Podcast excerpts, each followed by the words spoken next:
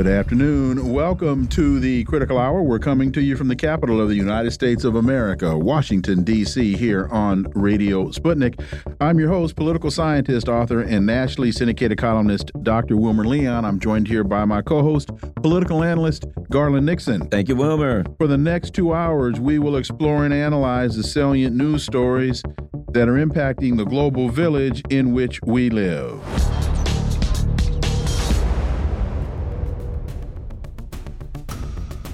The newspaper Israel Hayom reports senior U.S. lawmakers review plan linking Gaza refugee resettlement to U.S. aid to Arab countries. Sounds like bribery to me.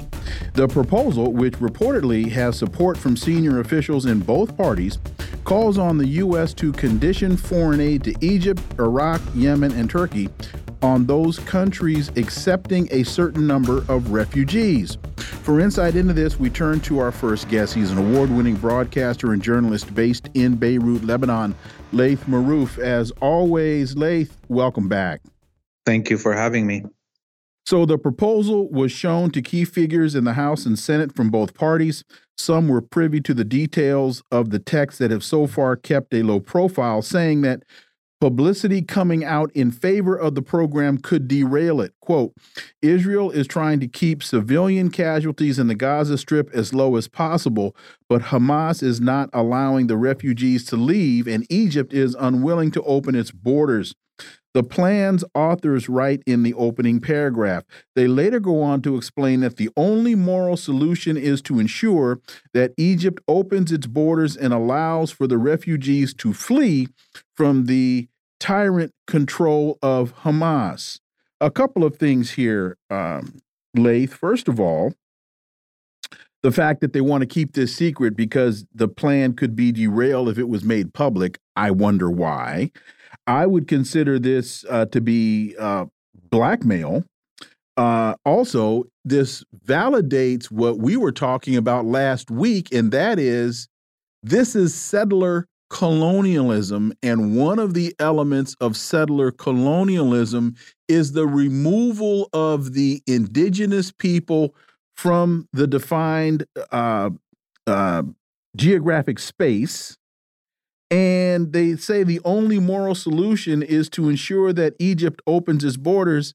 No, the only moral solution is stop apartheid and stop the ethnic cleansing of the Palestinians. That's the moral solution, Laith Marouf. Yeah, you know, we keep on hearing for years uh, Zionists talking about uh, Arabs want to drive them into the sea. Uh, but what we clearly have been um, told uh, right now in the open is that Zionists want to drive the Palestinians into the desert. Um, and we have the whole might of the West behind that. Uh, look, if uh, Zionists want to continue to have Jewish supremacy, they can definitely, actually, the West should be accepting Zionist refugees. Uh, because uh, currently, as we saw with the vote, uh, another um, bill that passed in the United States, uh, Congress, which equated anti Zionism with anti Semitism, this is now official in most of the Western states, uh, the imperial domains, which means the official religion of these countries is Zionism. You can denigrate any prophet you want, any religion, including Judaism and uh, Prophet Moses, if you'd like. But you cannot criticize uh, the political ideology of Zionism um, and it is the, the dogma, the orthodoxy of the state, the religion of the state. Um, and what we see is in the open now being said the West is officially, religiously Zionist as a state, and they will um, deliver on that Zionism through this genocide that they want to implement because they see that the Palestinian population within the historical lands of Palestine, forgetting all the Palestinians that are refugees across the world, are already are a majority within that land between the river and the sea. And the only um, path forward for the Zionists to maintain their superiority and their supremacy is through genocide, or they have to give up that supremacy and and and you know, and it doesn't seem like they want it. And the West is actually does not want an equality uh, for the Palestinian population. Another thing that's obvious here, and that is that these people still believe that they can use coercion to force the people in the Middle East to the resolution that they desire, rather than saying, look, the people in the Middle East, the people in these Arab countries, in these nations are going to come up with a resolution themselves. It's their area, it's their part of the world, and they have a right to figure out what's best. Instead, they say, we're going, either they're going to do what we want, or we're going to cut their money off or coerce them in, in some kind of way. And that's just not going to work anymore. The other thing I would say is this you mentioned the official. Uh, uh, uh, say ideology of the West is Zionism. Here's what I would say: If you listen to the people in the streets and see the people in the streets, you realize the official ideology of the ruling class and of their representatives in the government is, is, is Zionism. But the actual people in the West are pushing back against Zionism. Uh, uh, Laith. Oh yes, yes, of course. This is doesn't you know the vast majority. The you know we've seen polls after polls coming out from uh, the populations in the West, and uh, you know in the heartland of Zionism, which is the United States and the West, the numbers are miraculous for the Palestinians. When you look at the Democrats, vast majority of them are anti-Zionist in the in that sense, or or support Palestinian liberation uh, the majority of uh, the racialized and indigenous populations, which now you know are uh, over 40 somewhat percent of the population of the United States, are overwhelmingly uh, pro-Palestinian, and the majority of the youth. So it's it's clear that the state is uh, right now trying to enforce this orthodoxy, this religion of Zionism on the population, which is rebelling but uh, as we march towards a regional war uh, that could m- most probably include American and Canadian and British and French and German troops facing off with liberation forces on the ground of Palestine.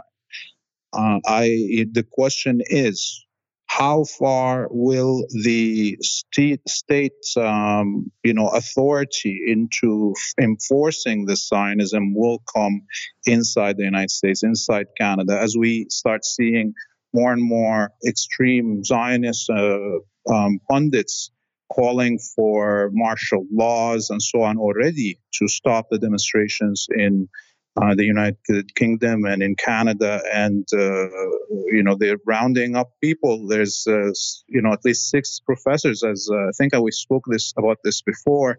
Six professors in Canada that were rounded up by the police at 30 o'clock in the morning uh, in their pajamas in front of their children for demonstrating in front of a uh, large uh, bookstore chain that donates uh, hundreds of millions of dollars to support the IDF.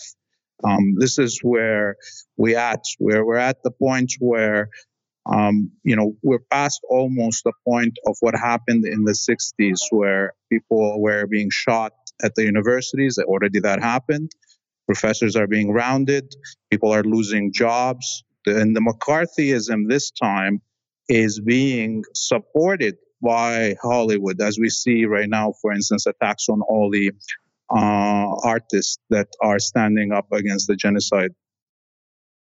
You know, uh, we talked about this. Uh, we started talking about this whole issue a couple of weeks ago, and I I remember saying that I was watching MSNBC. They were interviewing a member of the Knesset who was at that point uh, talking, but he was chastising the uh, the the, the bordering uh, countries for not taking more refugees, and we all talked about well, this is just the ethnic cleansing of, of the region. And so now we see that this is actually part of the major plan. And what this says to me is if they go along with this, if Egypt and and Iraq and Yemen and Turkey were to go uh, uh, uh, were to agree to accept more refugees, all this does is exacerbate what has been the ongoing issue of the right of return.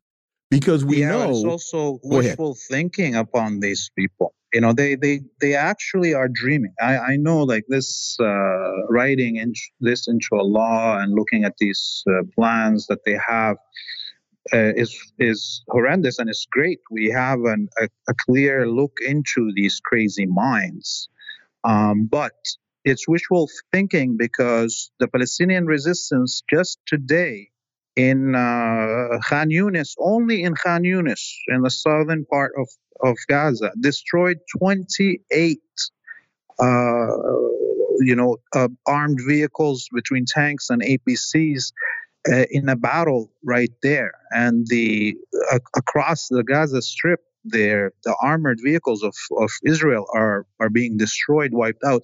The Hamas uh, military wing released a video today of one of their fighters just coming out from a tunnel in the middle of an encampment of Israeli troops that are uh, inside uh, northern Gaza. And uh, you could see from his camera he's filming every tent counting for you how many people are inside it then going and la- putting all these bombs around the tents and then sneaking back into the tunnel and you hear the boom this is happening on a daily basis for the Zionist invading troops, and they are not able to uh, achieve any military, uh, you know, victory on the ground and the uh, intensity of attacks from Lebanon just increased today also. Mm. So uh, we're getting to a point where there is, uh, uh you know, serious uh, level of uh, warfare, not only just slaughter that the, the Israelis are, are great at, but when, in, as we see on the battlefield, they're losing it very badly. Um, so, what can you tell us about that? Um, uh, Lebanon increasing their involvement, and, and and you know, at what level? What's going on? What do you know about that? Well, uh, there was uh, many attacks today. I think at, at least twelve attacks across um, the eastern and, and western uh, sectors of the front with uh, northern Palestine. Uh, some of these attacks included actually guided missiles because they uh, reached uh, a much deeper base and they were directed specifically at targets. And uh, so these were cruise missiles um, that are actually guided, not only uh, cruise, so they must have had uh, a drone flying and directing the targeting of these missiles. So we see the resistance in Lebanon entering a new phase of attacks because for the last four weeks, five weeks, uh, we've seen them use um, the um, anti-tank missiles that are uh, ATGMs that that uh, to hit Israeli uh, outposts on the border specifically their surveillance mechanisms, the video and audio and, and, and electronic.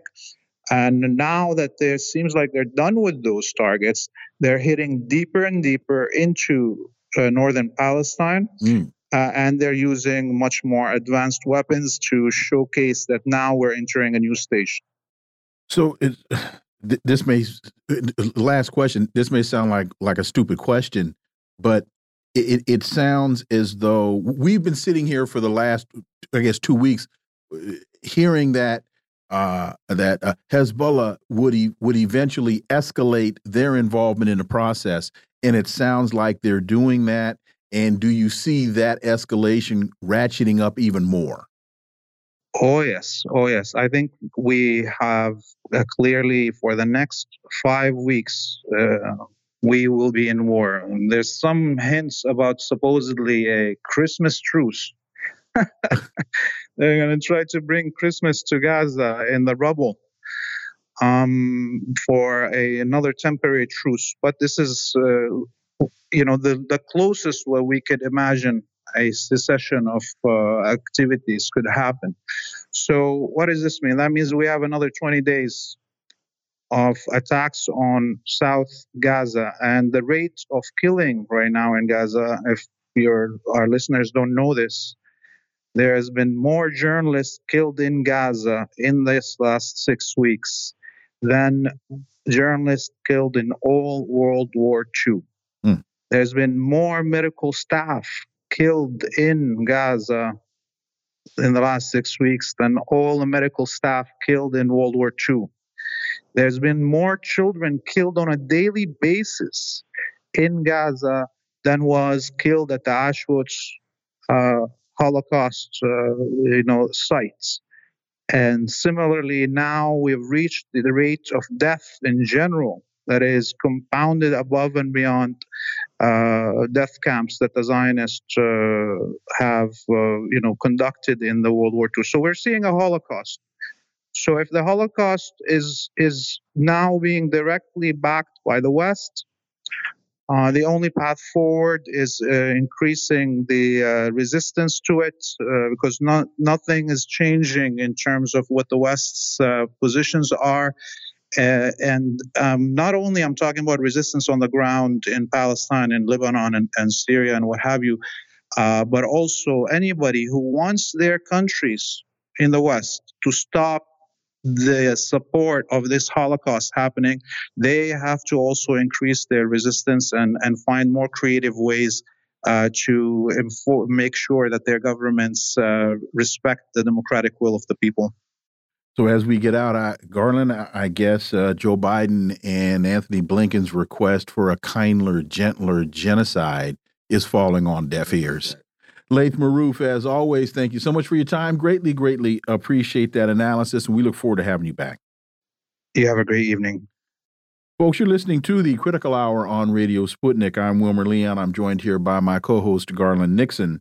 There's more on the other side. Stay tuned.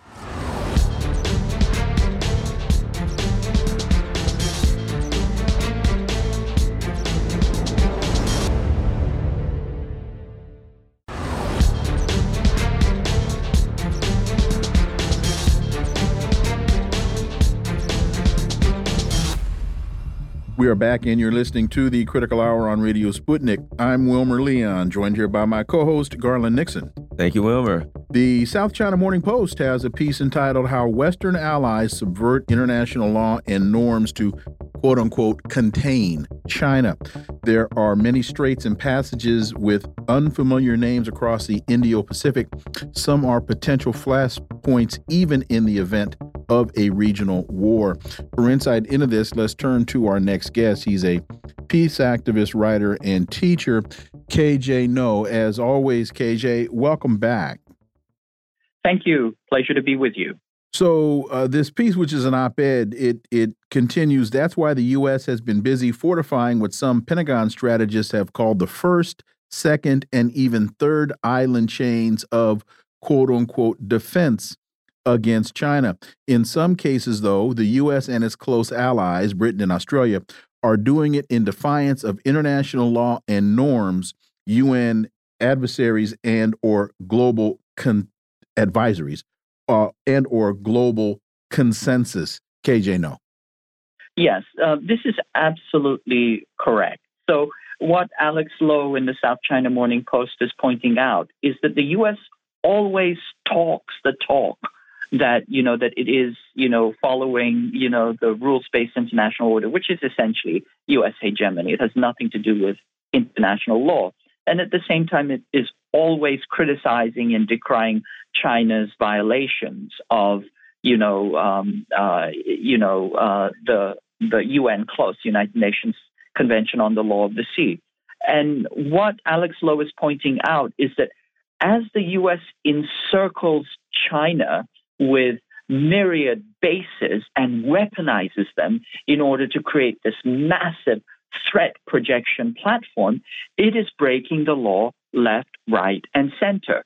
And so, for example, he points out that in the Cocos Islands, uh, you know, which are, you know, which are possessed by Australia, uh, the understanding is that the Cocos Islands are not supposed to be militarized. But even as we speak, uh, the Australians are turning it into uh, a naval, uh, sorry, into you know into a platform for to launch uh, both submarines and planes. And so this is in direct violation of the understanding uh, that that Australia has with the United Nations. And then the other, you know, very very egregious violation is the Chagos archipelago. Now, once again, you know, the Chagos Islands, uh, the the the the UK forced the Chagos Islands off of. Essentially, did an ethnic cleansing, threatening, you know, you know, threatening them with genocide, essentially uh, and then forced them off the islands and turned it into a base, which it turned over to the United uh, States. And this land, the Chagos Islands, should be given back to the Chagos Islanders. This was the uh, you know the ruling uh, of the international courts, the legitimate international courts, uh, and the U.S. and the U.K. have refused to do that. And so all of this goes to show is, uh, you know, to you know is that the United States claims that the United Nations Convention on the Law of the Sea applies to China, but in fact, all the rulings and all the agreements that are part of international law, the U.S. routinely violates in order to escalate to war against China. So, uh, this is just a very, very good example of pointing out the extraordinary hypocrisy of the United States uh, as it uh, as it you know prepares for war. And uh, it also takes us back to something that we discussed a good bit, and that was the recent summit in San, San Francisco, wherein there was all this discussion about whether Joe Biden said there was a dictator and whether, you know, uh, Tony Blinken was fidgety, et cetera, and whether there was some kind of a reset. But if you're talking about resets or anything else. Meanwhile, you're building bases, you're pointing missiles at me, you're pointing guns at my head. The discussion, it, it, as far as I see in the summit, was irrelevant. Their actions were speaking um, coercive, militaristic uh, uh, uh, policies. Yes, you're absolutely correct. So the U.S. actions are continual ratcheting up, continual escalation, continually uh, accelerating the material conditions for war. All of this is direct preparation for war. And so, whatever the U.S. says in public or in diplomatic venues means nothing. It's completely nullified by this extraordinary, uh, extraordinarily belligerent, and as Alex Lo points out, illegal actions that the U.S. is currently engaging in.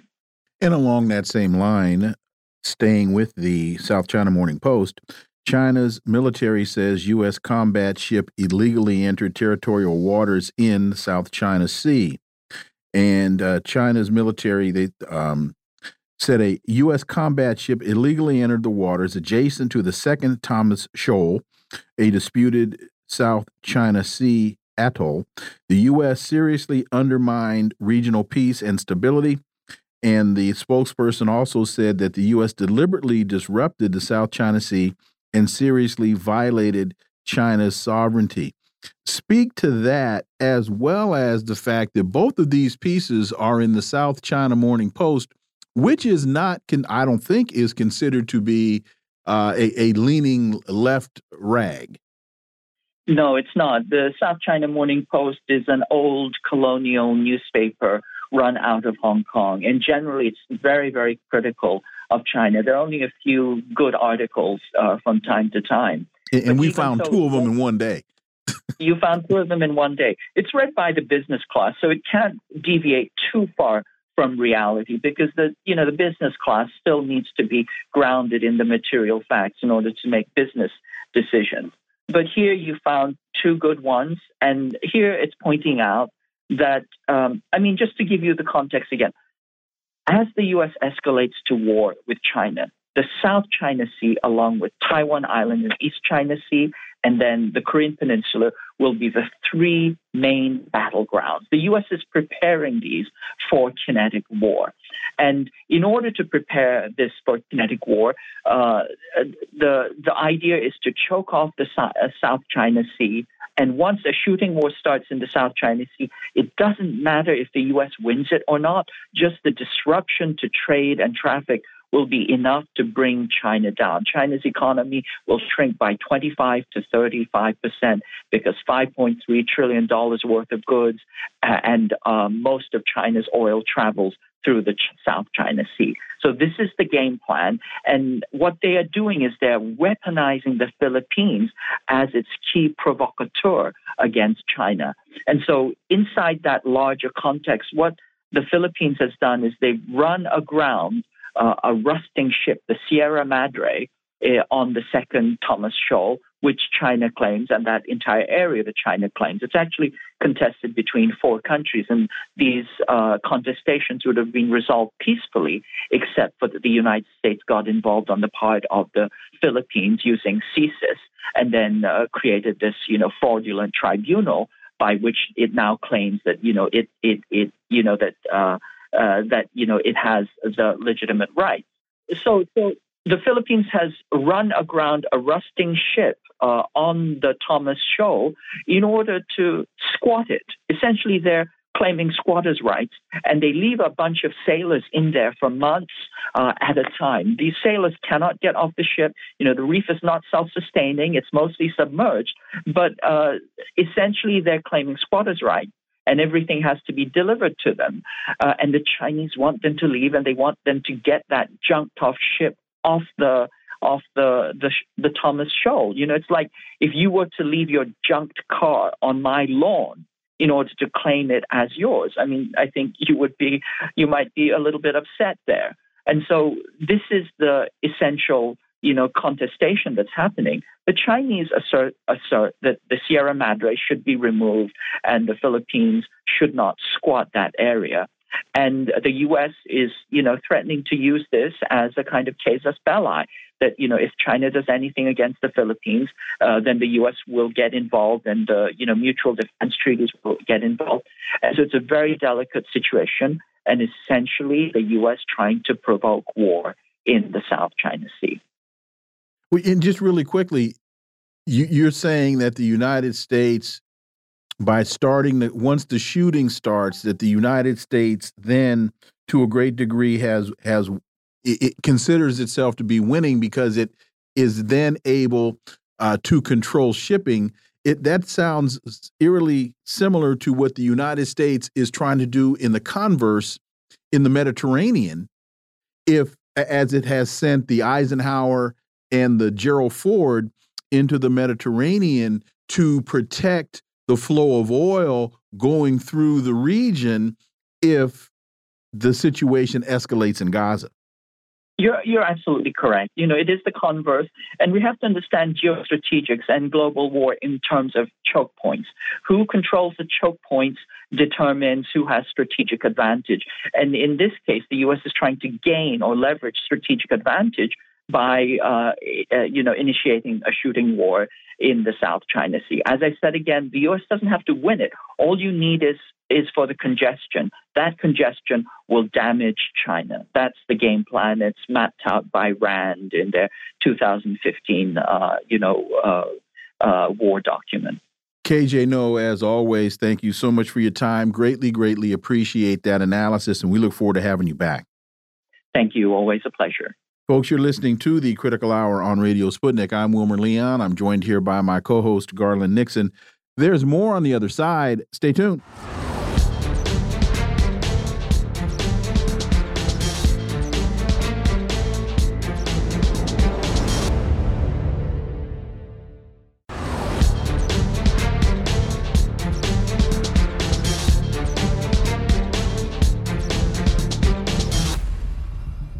We are back, and you're listening to the Critical Hour on Radio Sputnik. I'm Wilmer Leon, joined here by my co host, Garland Nixon. Thank you, Wilmer. RT reports joint Algerian Russian exercises to be held in Mediterranean.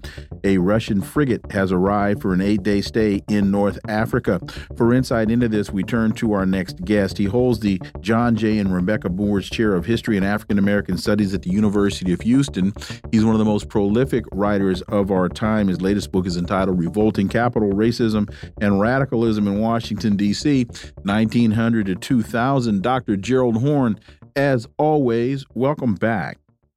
Thank you for inviting me. So, uh, this RT piece continues the Russian Defense Ministry has specified that the Admiral Grigorovich is a part of the mission to guarantee the safety of civilian navigation in the eastern Mediterranean. Quote, the technical means and armament of the ship function normally. The crew is ready to perform the tasks according to the command plan of the Mediterranean group of the Russian Navy, end quote. Uh, Dr. Horne, it appears as though, and we touched on this with, and you, I think you heard some of this with KJ Noh in the previous segment. It appears as though the U.S. and Russia are playing a very cagey game of maritime chess. Both the EU and non-EU countries they have uh, coasts on the Eastern Mediterranean. Italy, Slovenia, Croatia, Greece, and Cyprus are EU countries, but then you've got Albania, Montenegro, Bosnia Herzegovina, uh, Turkey, Syria, Lebanon, Israel, Gaza, uh, Egypt. They all have. So the U.S. has sent the Eisenhower and the Ford carrier groups into the region. Now it seems as though Russia is sending a ship there as well. Dr. Horne. Well, I think this is part of a reshuffling of the global deck. I think that peace advocates are quite concerned, ultra concerned, that the Israeli war criminals and their U.S. patron might seek to bail out this flailing enterprise in Gaza by widening the conflict with an attack on Iran in particular, perhaps even an attack on the Iranian ally in southern Lebanon, speaking of Hezbollah, accelerating attacks on Syria, which has been under air assault from the Israelis in recent days and weeks. And then, as you know, in the Red Sea, you have an Iranian ally, speaking of those who are referred to as the Houthis, uh, who have been stopping maritime traffic, particularly maritime traffic that is connected to Israel, and that has brought them into conflict with the U.S. Navy in particular. So I think that this recent move with regard to Algeria and Russia is a response to that because they both recognize that if U.S. imperialism is able to attack Iran successfully, uh, that may give the hotheads in Washington a further excuse to accelerate pressure against both Russia and Algeria. And with regard to Algeria, that's a special case because we know that in the parliament just a few days ago, there was a virtual declaration of war against Israel because of the depredations inflicted in Gaza.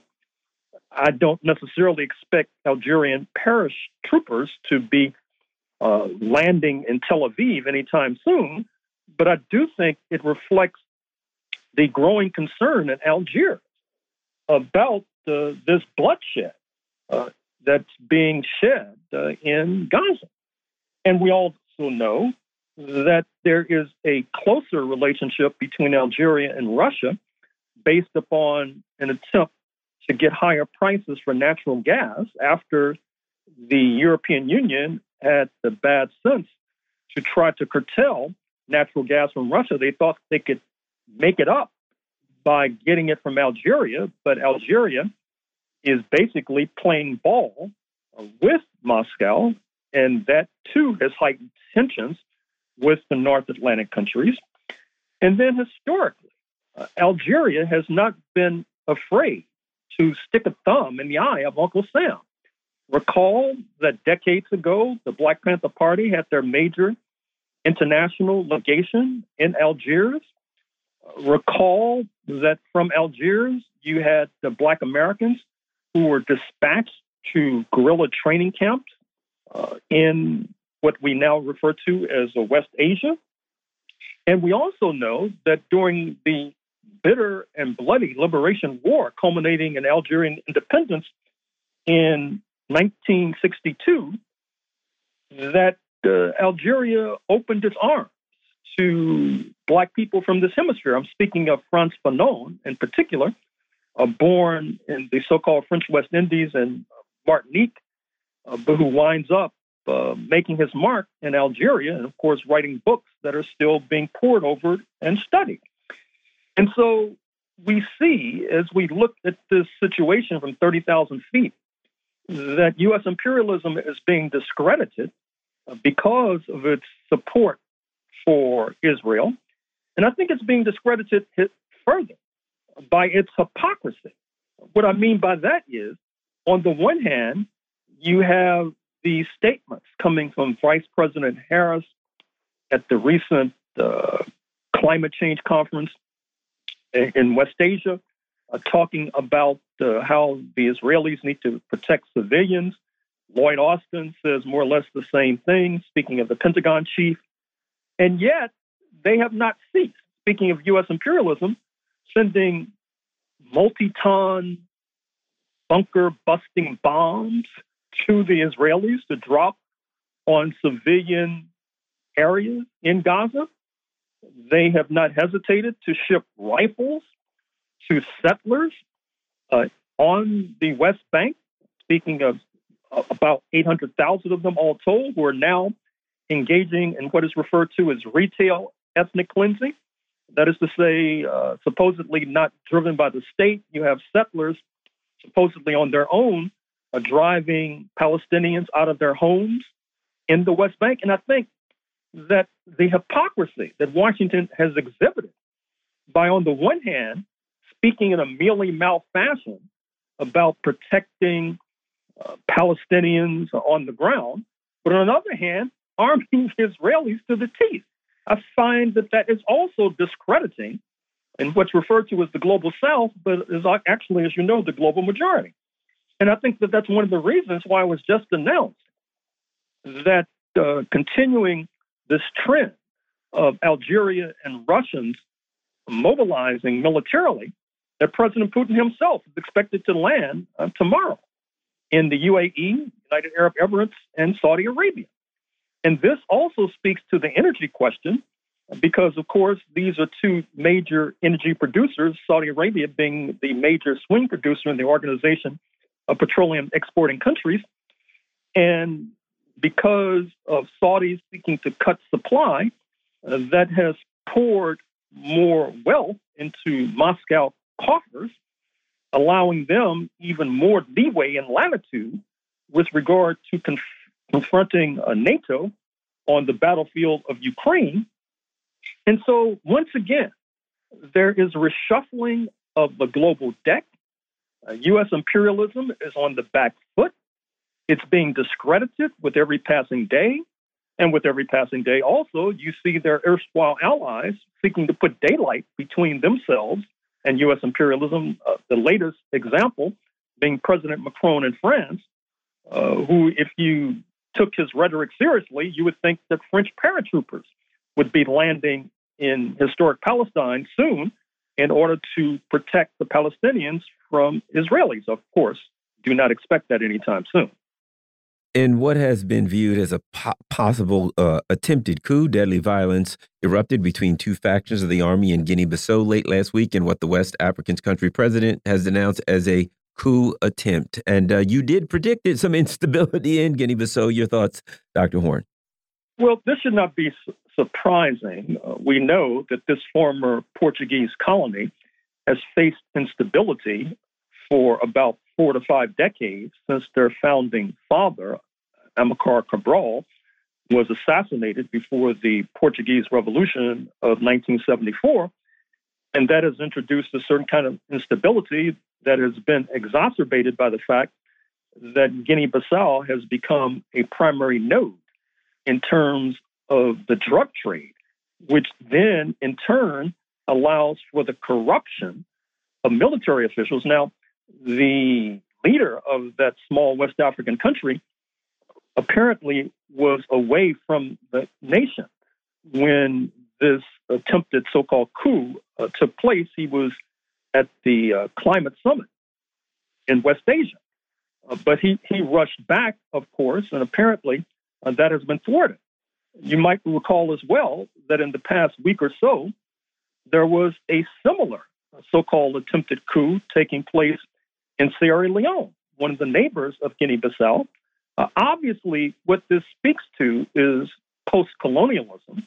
That is the fact that the West African nations, which suffered grievously for centuries, if not decades, under the thumb of European colonialism, and still are suffering because of neocolonialism, the fact that these countries like Portugal and France feel that they cannot survive without sucking the lifeblood out of these small countries. And that in turn induces instability. Uh, that in turn suggests that those who would like to seek wealth and renown feel that the only way to do that is through the barrel of a gun through seizing state power. And fortunately, there has been pushback against this trend.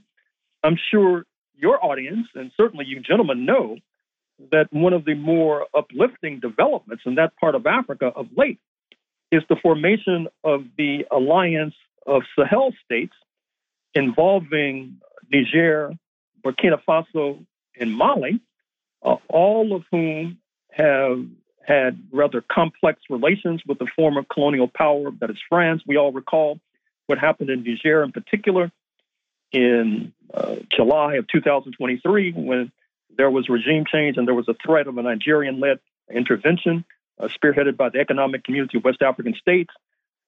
That was foiled, but now these three nations are banding together, and there is strength in banding together, which allows them to negotiate more uh, fruitfully uh, with the former colonial masters. And I should also say, in mentioning ECOWAS, that uh, if there had been a coup, we would be faced with a very ticklish question as to whether or not ECOWAS, which in some ways has been acting of late as is, is a cat's paw of France and the United States, uh, might be tempted to, to, intervene. But in any case, uh, this alliance of Sahel states uh, also speaks to the fact that Niger, in particular, a major uranium producer, has raised spectacularly the price of uranium from a pittance that the previous regime was charging France. And that too is a good sign that we need to build upon. And African state scraps EU security missions. Niger's military government has withdrawn from two major security pacts with the EU, saying it would end any privileges and immunities. And there seems to be, based upon this uh, RT story, this comes after a pledge to boost defense ties with Russia. So it seems as though uh, some shifting alliances are taking place. Shifting alliances, indeed. And I'm happy to say that on this December 5th, 2023, the 10th anniversary of the passing into the land of the ancestors of Nelson Mandela, that the South Africa he helped to forge has been in the vanguard of some of these shifts in global alliances. We all know about how they're bringing a referral to an international criminal court against Israel. And we also need to keep eye an eye on their neighbor, speaking of, of Malawi, which, in light of the fact that many of the Thai workers in Israel were forced to evacuate because of these this war that's being forged and waged in Gaza, that Malawi is sending hundreds, if not thousands, of the flower of their youth to take their place. And that is a very dangerous sign. But at the same time, we all know that Malawi, under its founding father, Hastings Banda, cooperated with apartheid South Africa. We all know that Hastings Banda spent a good deal of his youth in the United States of America. So we should not be surprised by that, but we should be alarmed. Dr. Gerald Horne, as always, thank you so much for your time. We greatly, greatly appreciate that analysis, and we look forward to having you back. Thank you. Folks, you are listening to the Critical Hour here on Radio Sputnik. I'm Wilmer Leon. I'm joined here by my co host, Garland Nixon. There's more on the other side. Stay tuned.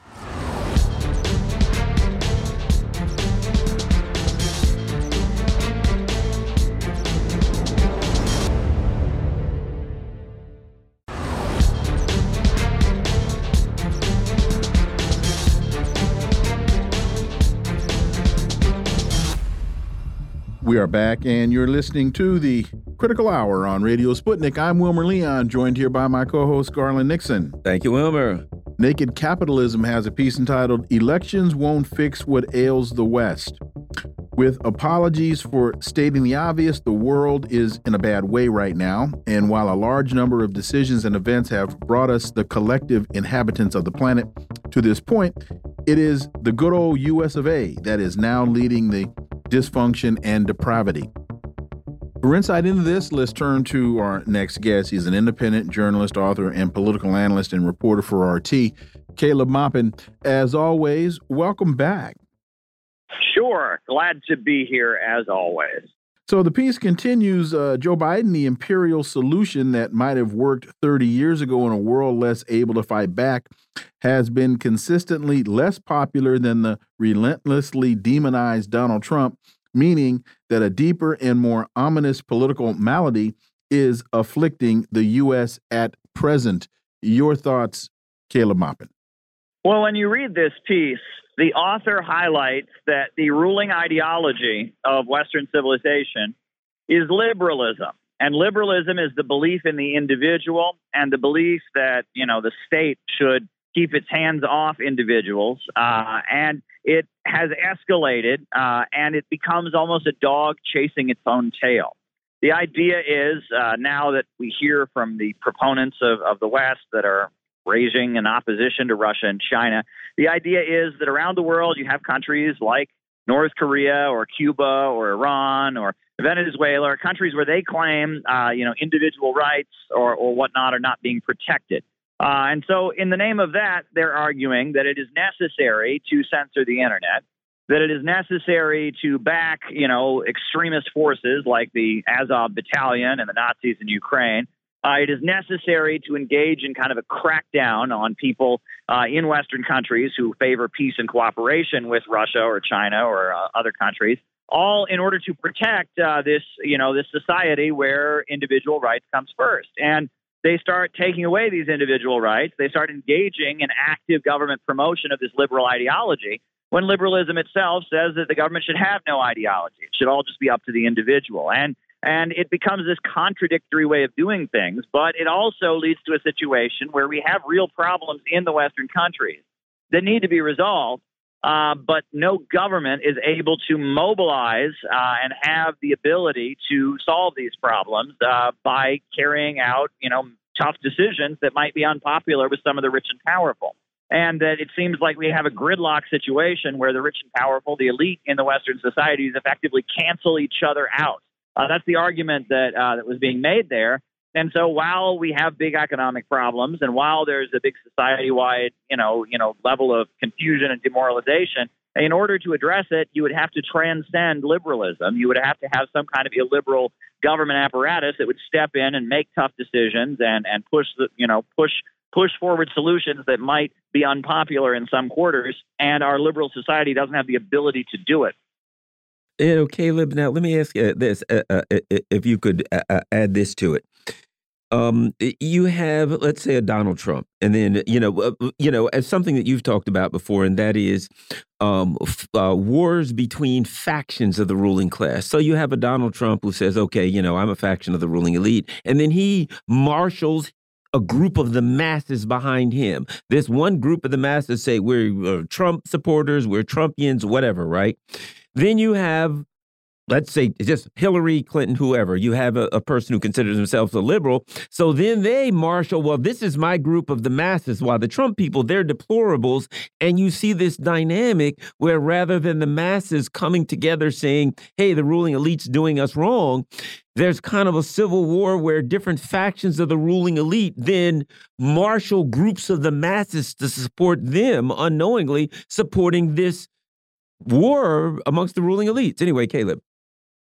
Sure. Well, this is a process referred to as Bonapartism, right? Uh, you know, this is you know goes back to 1851. There was a crisis in French society, so Napoleon's nephew uh, declared himself the military dictator of France, and in order to do it, he built up an army of very, very poor people called the Society of December 10th and he had the military kind of overthrow the government, and he threw many of his wealthy opponents in jail, uh, and he set up kind of an authoritarian government that built railroads and uh, and took some dramatic moves. He, he you know, talked of reviving the and restoring the French Empire. Um, and it was very clear this was a fight among the elite. But in order for Louis Bonaparte uh, to win out and his faction to win out, he was popular with a lot of the farmers and a lot of the bankers, uh, but he wasn't so popular with the factory owners and the industrialists.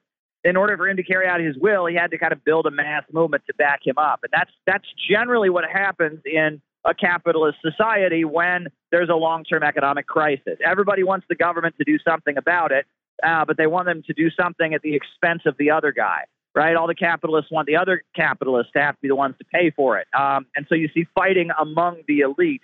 And I've often referenced, you know, the Yankee and Cowboy War, which was a great book written by Carl Oglesby uh, that analyzed how the political crisis of the 1960s um, was largely a fight between the Eastern establishment, the Rockefellers, uh, the oil monopolies, and the military industrial complex, and that they had contrary goals uh, with how to handle the rise of communism and anti imperialism around the world. And so, as they fought among each other, uh, the result was the civil rights movement, the anti Vietnam War protest movement. Uh, you had the assassination of John F. Kennedy. You had the uh, the driving out of office, the resignation and impeachment of of Richard Nixon, and all of that was a result of this fight among the American elite between the military industrial complex and what they call the Eastern establishment or the Atlanticist faction that is closer to Europe. And as we look at the revitalization um, of uh, former President Trump, as we look at the at the rise and the power of the MAGA folks, you've got Donald Trump saying to people, saying to his um, constituents they're they're coming at you through me. Do you see some bonapartism in that whole dynamic as well as your thoughts on some of the recent vilification of Donald Trump in the Washington Post? There was a piece uh, a couple days ago uh, you know talking about uh, the rise of Donald Trump as a dictator. And uh, there was a piece today on MSNBC where they were talking about Donald Trump uh, basically trying to create the environment where he could become the president for life. All of this fear mongering of of of Donald Trump. Do you see some Bonapartism here? Oh, of course. I mean, uh, the the prosecution of Donald Trump is right out of the Bonapartist playbook. I mean, he may not be able to become president again uh, because he'll be, you know, charged and convicted possibly. I mean, you know, that's that's what Louis Bonaparte did when he took power. Is he put a lot of his wealthy political opponents in jail. Uh, the main opposition to Louis Bonaparte was a, a, group called the Party of Order, which was more of a conservative and more monarchist faction. And most of them had to flee the country when Louis Bonaparte uh, came to power. But also Donald Trump, if you read his Art of the Comeback, one of the points that he makes in that book, uh, which is hard to find now, I think there's PDFs online, but print copies have been have been bought up. And Donald Trump's Art of the Comeback, one of the things he says is that you have to get payback uh, when you come back. In, in, in, you know, when you're in the process of your comeback from your downfall, uh, you have to get payback, and you have to get the reputation as somebody you don't want to mess with. And uh, I think that uh, you know, if Donald Trump is able to somehow get back into office, we can be sure he will take dramatic moves to retaliate against his political opponents. Now, at the same time, we're seeing, you know, the prisons are filled of January 6th uh, protesters uh, that the Biden administration has put in jail. And, you know, obviously there was the illegal activity on January 6th, but some of the sentences that are being imposed are pretty extreme and pretty harsh and, and pretty, pretty stretching of the legal definition. Um, but at the same time, uh, we also see the Biden administration coming after the Uhuru movement and claiming that this group of black revolutionary activists, uh, because they oppose U.S. weapons going to Ukraine and because they have defended Russia's right uh, to carry out the special military operation, uh, they've accused them of being Russian agents that possibly putting them in prison. I saw that uh, just recently the Department of Justice has charged uh, a former U.S. ambassador to Bolivia, alleging that he's a Cuban agent. And I have to put that in the context of a fighting elite also, because this is not just some some uh, some you know activist or something. This is a former high-ranking U.S. diplomat who's now been charged by the U.S. Department of Justice, alleging that he was a Cuban uh, foreign agent and that he was operating as an agent of the Cuban government. And I, I, I put that in the context of what Obama did uh, in terms of establishing diplomatic relations with Cuba and how unpopular that was with Marco Rubio and you know the Miami crowd that just really hates the Cuban government.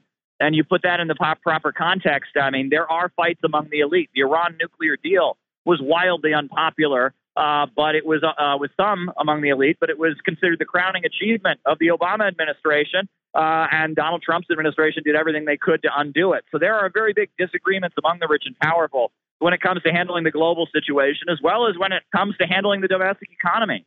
Uh, they don't see eye to eye because their system is getting worse. There's more instability in society. The economic base of the United States, the industrial base, has been completely eroded. Um, and there are big disagreements among the elite about what dramatic action is needed to resolve this. Um, and because any dramatic action to resolve this crisis is going to come at the expense of some and the benefit of others, uh, they're not able to see eye to eye. They have no problem putting working class people in jail, putting radicals and people that oppose the system in jail. But what's unique about Bonapartism is you see the elite jailing each other, threatening each other, suppressing each other as they struggle for power to resolve a crisis. Caleb Maupin, as always, thank you so much for your time. Greatly, greatly appreciate that analysis. And we look forward to having you back. Absolutely. Always a pleasure. Folks, you're listening to the Critical Hour on Radio Sputnik. I'm Wilmer Leon. I'm joined here by my co host, Garland Nixon. There's another hour on the other side. Stay tuned.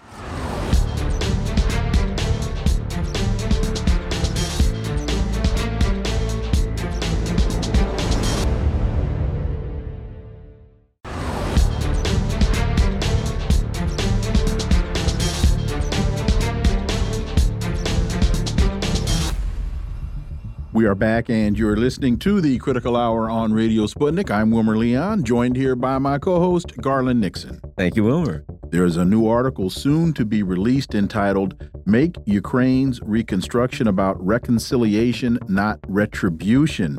There may be ways that Russia and the West can cooperate to their mutual benefit. And it opens to punish Russia for its invasion of Ukraine in early 2022. Western governments froze the assets of the Russian central bank, Russian financial persons, and officials in the amount of approximately $330 billion. They're now seeking to use these funds to help pay for the reconstruction of Ukraine and help compensate for some of the enormous costs incurred by the West in this war. For insight into this, let's turn to our next guest. He's a professor of political science at the University of Rhode Island, author of The Tragedy of Ukraine What Classical Greek Tragedy Can Teach Us About Conflict Resolution, and he's the author of this forthcoming piece. Professor Nicolai Petro, as always, welcome back. Thank you. Nice to talk to you again. Uh, you write from the outset the seizure of these assets has raised serious legal concerns that have made their use to fund reparations both difficult and controversial. The ensuing legal battles will no doubt last decades while doing nothing to actually help people in Ukraine. Moreover, since most Russians find the idea of using their purloined assets to uh, serve Western geopolitical objectives highly offensive, it will add yet another body blow to a relationship already fraught with recriminations. Professor Petro, trying to use seize assets in this manner really seems to be shifting the conventional war to the legal and economic realm. And further, the Russian position that the U.S. can't be trusted. The U.S. provokes the conflict and then tries to use this ruse of using the proceeds of its ill gotten gains to pay for rebuilding to cover the theft of the assets in the first place. Professor Petro. So you've summed up the legal argument uh, that has been made for the better part of two years as to why sovereign assets cannot be simply seized and used uh, at the discretion or at the whim of the government. And that is one of the several reasons that I say this is not the proper way to go about helping Ukraine. Uh, the way to go about helping Ukraine is to get Russia involved in the process. And in the, if Russia were involved in um, a joint venture of combining resources, A, it would become more, much more feasible because we're talking about uh, enormous sums of money.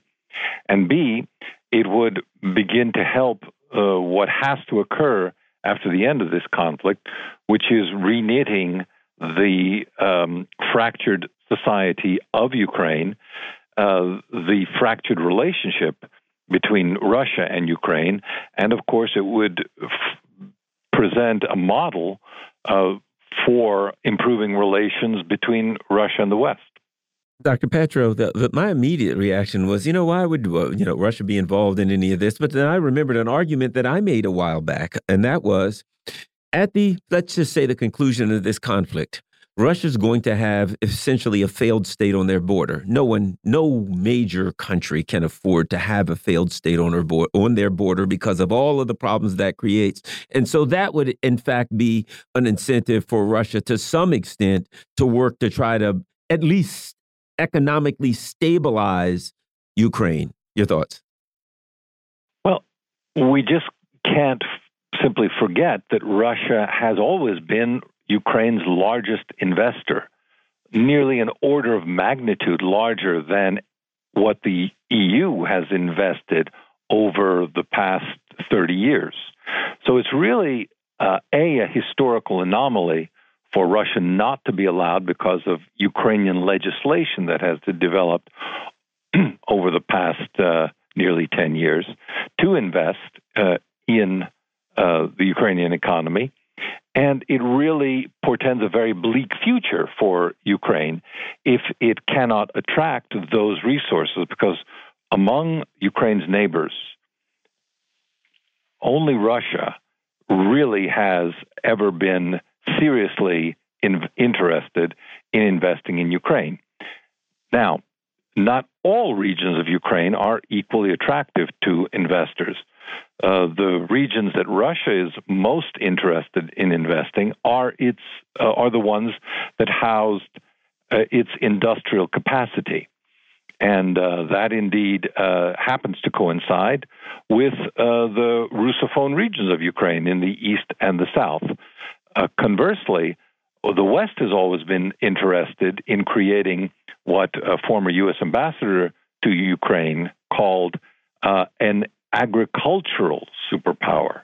And the only problem with that, as I've always p- pointed out, is there are no uh, superpowers that rely purely on agriculture. Wouldn't it be the ultimate irony in all of this if, to, to Garland's point, um, he, you know, he says, and, and he's right, Russia doesn't want a, an unstable country on its border.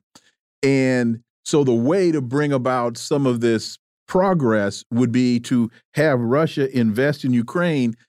The the the business relationship isn't that part of what brought about the Maidan coup and the overthrow of Yanukovych in 2014 was Yanukovych was trying to cut some oil and gas deals with Russia in order to stabilize his economy.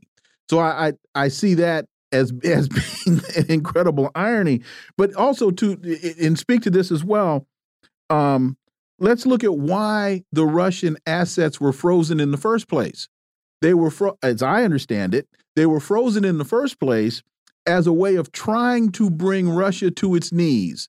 We're going to turn the ruble into rubble and we're going to bring about regime change and we're going to cause such disturbance and disruption in the Russian economy that the people are going to turn on President Putin and there'll be angry people in the streets. None of that worked.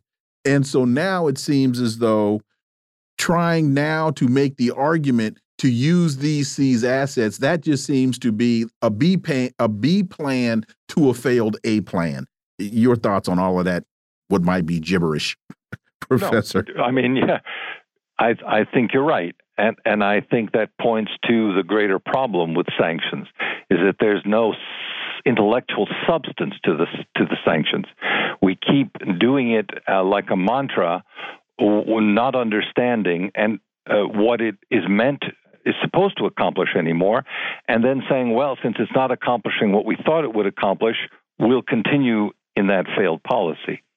You can't have a policy that doesn't work and turn it into something successful simply by clicking your heels three times and, and saying, you know, I wish I were in Kansas or something like that. it, it, it just won't work. So we have to rethink the entire approach. And this article uh, aims at that. Let me go back to your earlier point about why the Maidan, what the Maidan was uh, about in terms of its economic relations with Russia. Uh, what was offered, what, what the Maidan thought would be offered to Ukraine was immediate EU membership and a massive influx of Western in, uh, investments. But none of that materialized as a result of the Maidan and and the subsequent uh, uh, military uh, actions that took place in the east uh, and south. And as a result, the Maidan essentially was sold on a lie to uh, the Ukrainian people. And some people are now arguing, Alexei Arestovich, the former press spokesman for the president earlier this year, who is now very much in opposition to the president, has said, "Well, it's it's been a long time coming, but uh, he thinks." I'm not sure I agree with him, but he thinks that finally the Ukrainian people may be waking up to the the lie that lay at the very heart of the Maidan and the need to really act more as an independent actor between Russia and the West if Ukraine is to, as he puts it, recover its dignity. Now, let me ask you this because while all of these things make sense, there is an issue, and I'm sure you're very familiar with that, and that is in in the event that you know, as we saw in the past, in the event that the um, uh, uh, Ukrainian people would get the option to make the decision. They wanted peace. That's why they voted for Zelensky. You know, they always want what's best for them. But there's the issue of the West Ukraine versus East Ukraine, the old cultural issues there, the two countries, you know, the nationalist in, issue. Right, the nationalist, all of that stuff. Can that be mitigated in order to um, institute something like this? Is that too big of a hurdle? If the country is to survive as a polity, as, as a unified state, it will have to overcome these divisions. And one of the most useful and effective mechanisms for doing so is trade. Uh, one of the things that we saw happen after 1991 was that even trade and personal contacts and visits between people living in Western Ukraine and Eastern Ukraine uh, collapsed or shrank considerably. This is before 2014, but leading up to the sense that I don't know if I really want to be together with these people after 2014, there was a brief moment uh, before the election of Poroshenko when uh, the parliament supported uh, a resolution for a government of national unity. But it never came to pass because the nationalists who led the Maidan in 2014 had too much influence. I think if Ukraine is to survive this and future trials, it will have to get back to the notion of creating a government of national unity.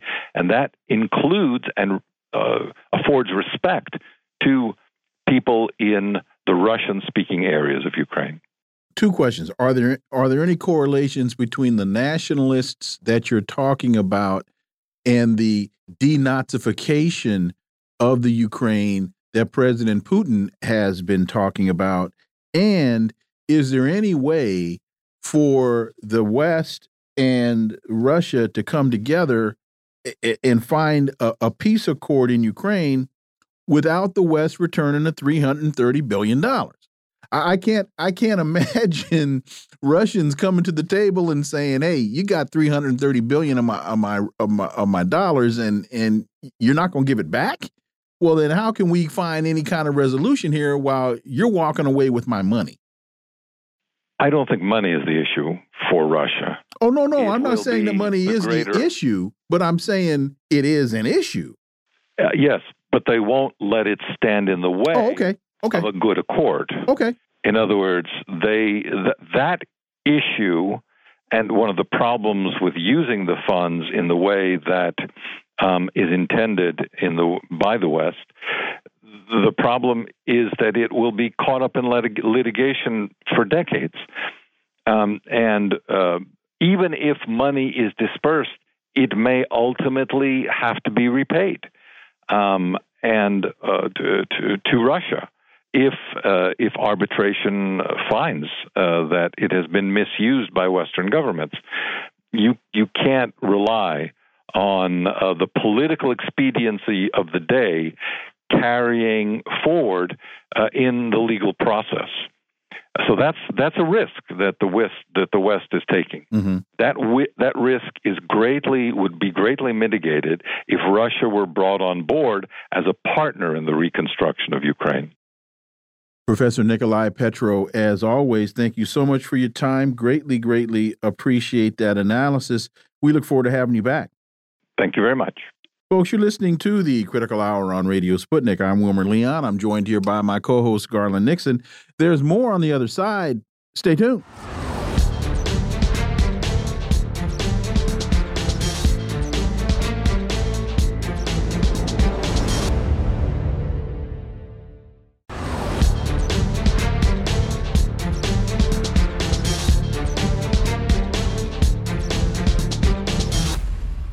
We are back, and you're listening to the Critical Hour on Radio Sputnik. I'm Wilmer Leon, joined here by my co host, Garland Nixon. Thank you, Wilmer. U.S. says if CIA backed embassy security opened phones of Assange visitors, it was constitutional. Quote, there are several cases, U.S. Attorney Jean David uh, Barnea argued, that say that by giving your phone to someone else, you have relinquished your expectation of privacy. For insight into this, let's turn to our next guest. He's the national organizer for Action for Assange, Steve Poikonen. As always, Steve, welcome back. Thank you very much, gentlemen. Good to be here. So, an attorney for the U.S. government contended CIA backed contractors had not violated the privacy rights when they allegedly opened the physical structure of cell phones belonging to Americans who visited WikiLeaks founder Julian Assange in the Ecuador embassy in London. Steve, I can't, uh, well, this is kind of rhetorical. I, I can't imagine anybody that spent any time in law school, and I'm one of those people who would make a statement just a blanket statement that giving your phone to someone you relinquish your expectation of privacy because there are conditions under which you relinquish your phone and you don't expect the person that you gave it to to crack the phone open take pictures of your sim cards and and other relevant data contained in the phone. That that's uh, example law enforcement right law enforcement th there are circumstances they arrest somebody and they can impound the car that doesn't mean they can go in the trunk and then find a locked box in the trunk and go in that locked box and find a locked box inside of that locked box and go in that locked box. You can't just. Well, the, pro the problem there is your car has been uh, impounded. You yeah. haven't relinquished, right. voluntarily relinquished it. It has been. But, right. but, but even then, Right. You can't just keep opening everything you find and unlocking everything. Steve, help me out here. That that that on its face is is what what my older brother who who, who was a cop would say, felony stupid. well, it, it it is, but it's also effectively the attorney for the CIA or attorney for the, oh, the U.S. government. Uh, and so what they're saying is not only do Americans have no reasonable right or rights, period. Once you leave U.S. soil, the Fourth Amendment certainly doesn't apply. Uh, and uh, you should expect that anywhere you go, once you leave the country, your phone is liable to be split open, taken apart, photographed, possibly bugged, put back together, and, and then returned to you um, after you complain for a little bit. This is this is absolutely insane. But again, this is the Assange case that we're talking about, and so it's never it's never been about what is currently legal. This is the United States government acting like they're Bill Belichick, going, it's not against the rules until they make a rule that specifically says we can't do this exact, exact thing. And let me just give a, a quick example, and this is not U.S. government involved in it, but it is my relinquishing of my phone. on a couple of uh, instances when I was in Iran, I went into meetings in secure rooms and I was told, please leave your phone here. And they said, because we are concerned about our conversations being recorded. So I left my phone in the place where they asked me to leave it. I would not have expected with that that I'm relinquishing access to my phone. I'm just, per your request, leaving my phone in a place where the meeting will not be, the conversation will not be recorded. This and and uh, that's why I'm so adamant on this because I've done this. If you go visit somebody in prison, you visit someone in a prison, federal prison, etc. What Correct. happens? You walk in, and before you can go in, you stop there. A lot of them, I've done that. I used to do that stuff. Little locker. Right. You, whatever you have comes out, it goes in a locker, blah, blah, blah. But that doesn't mean that they can go through everything you have simply because you said, if I want to go in this prison, and as an investigator, I wasn't in visiting, I was going in there to question the person, but I still had to leave my phone outside of it. I would. That doesn't mean they can go through the phone. You had to leave your phone. You had to leave your wallet. Everything. I wouldn't have expected anybody to go through my wallet. I wouldn't have expected anybody to go through my money clip and look at the three dollars that I have in my pocket. Fourth Amendment says they can't. Steve Poikonen. So here's the argument that uh, that the U.S. is going to make about this. We technically didn't uh, copy or or open up their phone. All we did was grab the IMEI number, which will allow us to know anytime that phone is activated and in use, and then we can therefore figure out who that person is talking to, and then we can use that for our own nefarious purposes. Uh, but also lost in the sauce in all of this is that the CIA contracted the security that was already working at the Ecuadorian embassy, and they had UC Global set up a whole bunch of extraneous and, to my best knowledge, incredibly illegal spy gear throughout the embassy, to say nothing of Assange's personal room and a half that he was confined in for the better part of a decade.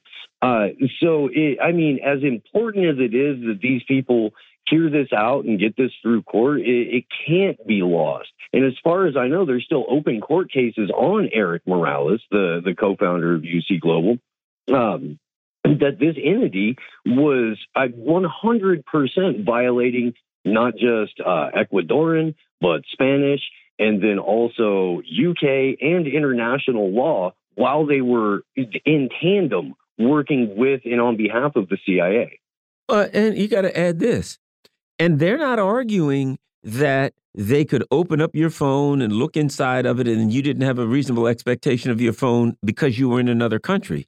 They're just arguing that you don't have an expectation of privacy in your phone. So, what they're saying would apply in the United States. What we're seeing is our intelligence operations, one by one, chipping away at the um, uh, uh, at, the at, at the constitutional rights ex post facto. What I mean is, they didn't go to a judge and say, Can I do this? Without a warrant. They did it, and now they're saying, ah, I should have had a warrant. They're asking, as they say, it's a lot easier to ask for forgiveness than permission, which tells you this is the norm. That's what they're doing here. That's what they're doing every everywhere. They search everything we got. And if they should happen to get caught, well, then they'll argue it to the judge later. And there's another element here because, Steve, you just laid out another scenario.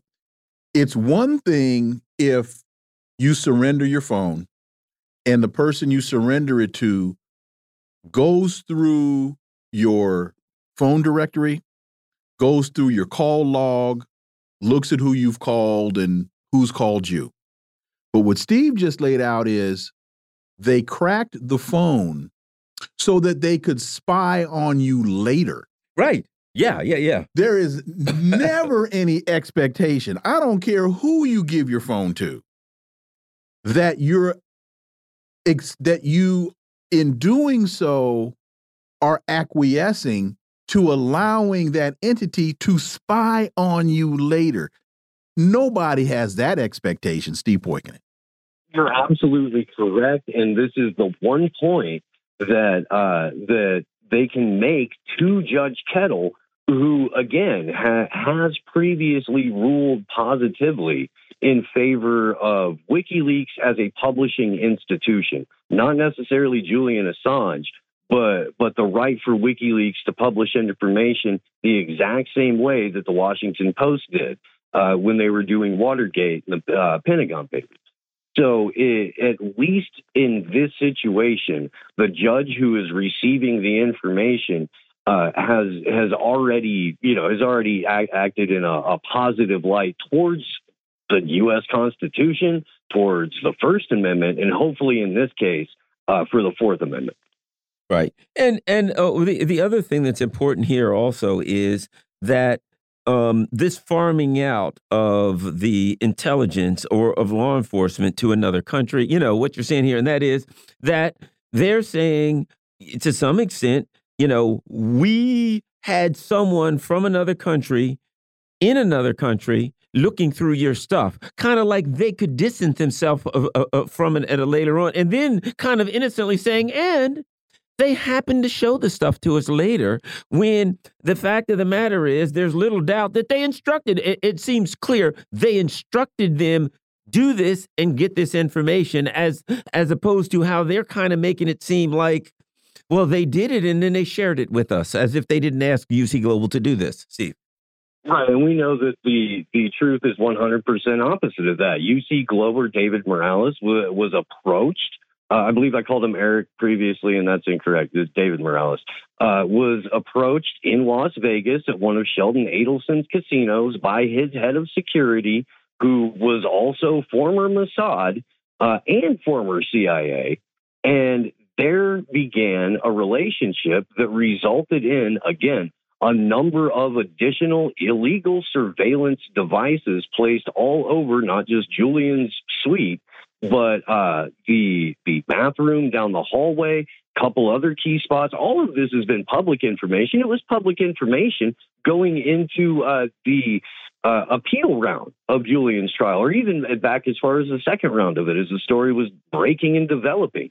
But so far, nary a UK judge has been interested in hearing it. So hopefully, with the the uh, furthering of this case, we can start to get a little bit more of this information, at least out into the ears of the American public again, kind of refresh their memory about what's really at stake in all of this, which is like, you know, investigative journalism going forward and our ability to communicate freely and openly, period. ScheerPost has a piece FOIA request reveals Bellingcat collusion with Western intelligence and extraordinary email uncovered by a Dutch researcher under FOIA, confirms what many have long charged. Bellingcat, the quote unquote open source collective, widely cited by mainstream journalists and loved by the CIA, collaborates directly with Western intelligence agencies. So Bellingcat wasn't nearly as independent as many people wanted initially to make it out to be. Well, not only that, but they say appear to be almost a, a whole cloth creation mm -hmm. of the intelligence community, specifically to initially discredit the Malaysia Airlines Flight 17 story, but then to go on and smear and defame anyone and everyone who reports accurate information outside of what the intelligence agencies and, and their toadies would like people to hear. The other thing is, uh, I don't know if you recall, uh, uh, several months back, might have been a year now. Uh, 60 Minutes had had a uh, a particular um, segment, and they had the guy Eliot Higgins, or whoever it was, from Bellingcat, and they put them forward arguing, "Oh yeah, they're an independent investigative uh, blah blah blah." And I thought to myself, I don't think 60 Minutes just woke up one day and said, let's call Bellingcat.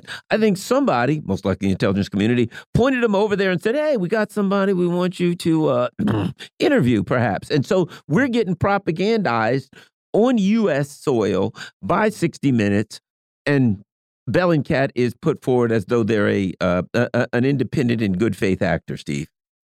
Yeah, and that's what Bellingcat's been used for uh, the the entire time it's existed, whether it's through media or through uh, military officials. The uh, the entire I think it was the CIA who was like, "Oh yeah, these guys are great because they get to say uh, in the press what we never could. And, and so the game is you have Bellingcat report something, and they're just an open sourced independent media outlet. And hey, with our trusted sources, this information checks out. So now these goons can go to the negotiating table or go into a room to talk some business and be like, hey, look, this is what's going on. All we're doing is laying out the facts and presenting you with a couple of options. And, it's basically the same way that the grift works in the media, except for they pretend that these intelligence sources live in reality and that we're, you know, supposed to believe uh, whatever it is they say about whoever we're supposed to hate that day. Oh, and Wilmer, there's an article right here on Yahoo News. Bellingcat conducts its own investigation into poisoning of Ukrainian spy chief's wife. I don't have to read that. I'm, I imagine it's somewhere in that it says Putin personally walked up to her and rubbed uh, poison all over her doorknob. Putin has a greenhouse where he specifically grows the the root ingredients of all of the world's deadliest poisons, and he's just waiting for the opportunity. So, as more of these types of stories are made public, I can. I, the Biden administration has to be trying now to figure out a way to retract its uh, ex um its request expedition um that that uh Julian Assange be expedited uh extradited. I'm extradition that's what I'm been struggling with. That because this whole thing we've known it was a farce from the get-go but now we're seeing more stories in the media that are indicating that this extradition is a fool's errand and they've got to be trying to figure out a way to walk away from this. I think that they're they're putting pressure on the UK judge to drag out his decision as long as possible so that it becomes a next president's problem because as we've discussed plenty of times on the show uh, so far Joe Biden is not going to be the Democrats 2024 nominee. Now what that does for Julian is keep him in a torture cell uh, a lot, you know. Um, but the Australian government is, is, not going to do anything on his behalf, and it will likely fall to whoever takes the, the reins in 2024. Steve Poikin, and as always, thank you so much for your time. Greatly, greatly appreciate that analysis, and we look forward to having you back. Thank you very much, gentlemen. Have a great day. Folks, you're listening to the Critical Hour on Radio Sputnik. I'm Wilmer Leon. I'm joined here by my co host, Garland Nixon. There's more on the other side. Stay tuned.